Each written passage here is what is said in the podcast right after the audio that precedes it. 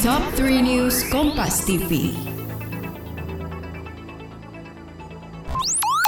Hai teman obsesif, ingin belajar hal baru lewat obrolan santai, seru, dan inspiratif bersama narasumber ahli di bidangnya? Dengarkan podcast Obsesif persembahan KG Media tayang setiap hari Minggu hanya di Spotify dan platform audio kesayangan kamu lainnya. Hai sahabat Kompas TV, saatnya kita update 3 berita terpopuler yang terjadi pada hari ini Senin 25 Oktober 2021 bersama saya Sinta Milenia. Berita pertama, kereta lintas rel terpadu LRT Jabodebek jurusan Cibubur Cawang tabrakan di jalur layang ruas Munjul Jakarta Timur. LRT bertabrakan saat tahap uji coba di kawasan Munjul, Cipayung, Jakarta Timur, tepatnya di atas tol Jagorawi.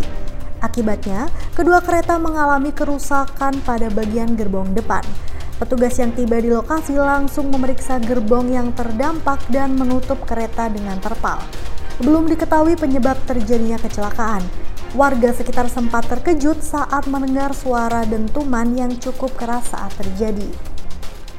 Berita selanjutnya, dua armada bus Trans Jakarta alami kecelakaan di shelter Cawang Ciliwung di Jalan MT Haryono, Jakarta Timur, Senin pagi. Akibatnya tiga orang dinyatakan meninggal dunia. Dua unit bus Trans Jakarta terlibat kecelakaan di shelter Cawang Ciliwung, Jalan MT Haryono Jatinegara, Jakarta Timur. Nampak satu bus Transjakarta ditabrak oleh bus Transjakarta lainnya dari arah belakang. Akibatnya, kedua bus mengalami kerusakan parah. Dalam peristiwa ini, tiga orang meninggal dunia. Dua orang penumpang meninggal di lokasi, sementara itu penumpang lainnya dievakuasi ke gedung perkantoran bersama korban luka lainnya.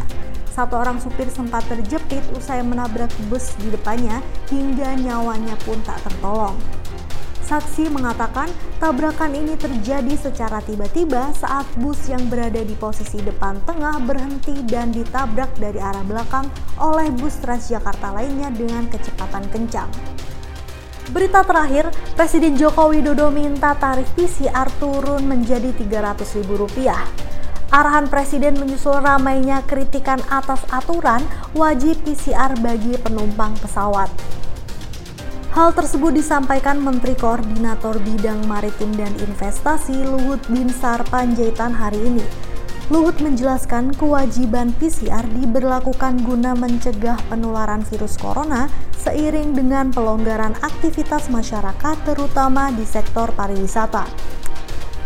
Keputusan diambil belajar dari sejumlah negara yang mengalami peningkatan kasus positif akibat pelonggaran aktivitas masyarakat.